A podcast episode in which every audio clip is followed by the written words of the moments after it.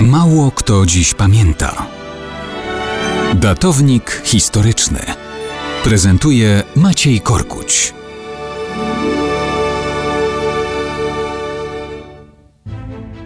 Wczoraj mówiliśmy o tym, że 29 marca był dniem śmierci postrzelonego w zamachu króla Szwecji Gustawa III. Tak się złożyło, że ta data równie fatalnie po latach zaciążyła na losach jego następcy.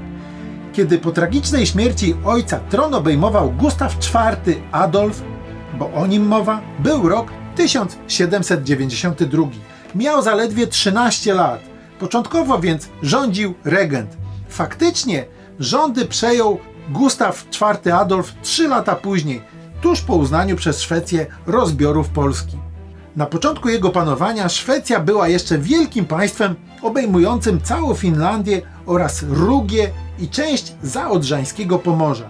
Ale wdawała się w konflikty akurat z tymi, którzy mieli najwięcej wówczas do powiedzenia w tym regionie. Król nie przepadał za rewolucyjną Francją, stąd też nie uznał nawet tytułu Napoleona Bonapartego po jego koronacji na cesarza i formalnie przystąpił do koalicji przeciw Paryżowi. Walki Szwedów z Francuzami na terenie Pomorza przyczyniły się do utraty przez Szwecję posiadłości na południowym wybrzeżu Bałtyku. Przy okazji król uwikłał kraj zaraz potem w nową wojnę. Napoleon, kiedy po traktacie w Tylży nastąpił krótki okres współpracy francusko-rosyjskiej, próbował Szwecję włączyć do blokady kontynentalnej przeciw Anglii.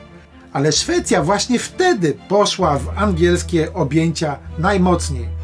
Król ogołocił Finlandię z wojska, szykując się do walki z Danią. Z tego skorzystała Rosja, która prawie bez żadnej walki zajęła całość terytorium Finlandii. Próba ratowania sytuacji zakończyła się fiaskiem. Klęska pod Orawajnen była przypieczętowaniem utraty tego kraju przez Szwedów. Wszystko to razem zrodziło spisek oficerski, który w marcu 1809 roku doprowadził do aresztowania króla Gustawa IV Adolfa i zmuszenia go do abdykacji. Stało się to dokładnie 29 marca 1809 roku. Od tego dnia były już król pod różnymi nazwiskami stał się tylko emigrantem w Niemczech i Szwajcarii.